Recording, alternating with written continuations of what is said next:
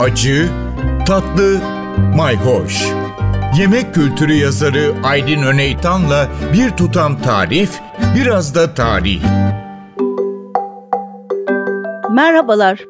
Sofralarımızda pes pembe rengiyle gerçekten iştahımızı açan kırmızı lahana salataları ya da benim deyimimle turşu salataları bu rengi almak için illaki daha önce verdiğim tarifteki gibi limon tuzu kullanmamız gerekmiyor.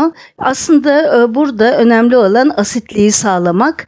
Aslında birazcık evde bekletirseniz şöyle buzdolabında sadece portakal suyu veya greyfurt suyuyla da çok güzel bir turşu salata yapabilirsiniz ekşi bir portakal suyunu daha da iyisi eğer bölgenizde yetişiyorsa turunç suyu kırmızı lahanaya hem yeterli asiditeyi sağlayacaktır hem de o hafif tatlı tadıyla inanılmaz bir boyut katacaktır. Çünkü kırmızı lahananın portakalla, portakal suyuyla da uyumu var. Zaten e, kırmızı lahana özellikle Orta Avrupa ülkelerinde daha çok av kuşlarıyla yeniliyor ya da ördek, kaz, hindi gibi yiyeceklerin yanına olmazsa olmaz bir eşlikçi oluyor. İşte orada da hem birazcık karanfil haftasında bahsettiğimiz karışık baharatlar hem de portakal rendesi de devreye girebiliyor.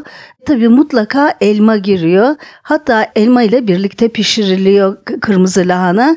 Aslında salatalarımızda da incecik çubuk çubuk kesilmiş kibrit çöpü gibi veya iri rendelenmiş elmayı da lahana salatanıza katabilirsiniz. Şöyle bir golden elma veya ekşi elma ya da yeşil elmayı normalde yaptığımız kırmızı lahana salatasının e, içine yani turşu gibi limon tuzu veya sirke ile bekletilmiş değil de lahana salatasını birazcık da elma rendelerseniz inanılmaz bir lezzet elde edeceksiniz. Tabi lahana salatasına yakışan iki tane de ot var. Dereotu ve maydanoz. Ben ikisini beraber de seviyorum, ayrı ayrı da seviyorum. Doğrusu yeri başka. Sanki dereotu biraz öne geçiyor.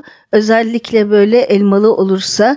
Tabi bu arada kereviz yaprağı da pek ala lahana salatası için kullanılabilir. Hatta kerevizin rendesi de kullanılabilir elma ile birlikte elma, kereviz yaprağı veya dereotu kombinasyonu inanılmaz bir lezzet verecek. Hatta içine birazcık da dediğim gibi portakal suyu katarsanız limon suyuyla birlikte lezzetli bir salatanız olacak. Fakat kırmızı lahana salatasını yapmanın bir ön koşulu var. Her zaman lahanayı doğradığınız gibi biraz tuzla ovalayacaksınız. Biraz öyle bekleteceksiniz en az 10-15 dakika ki hem biraz yumuşasın hem de o lahananın faydalı gelen değerli özellikleri ön plana çıksın.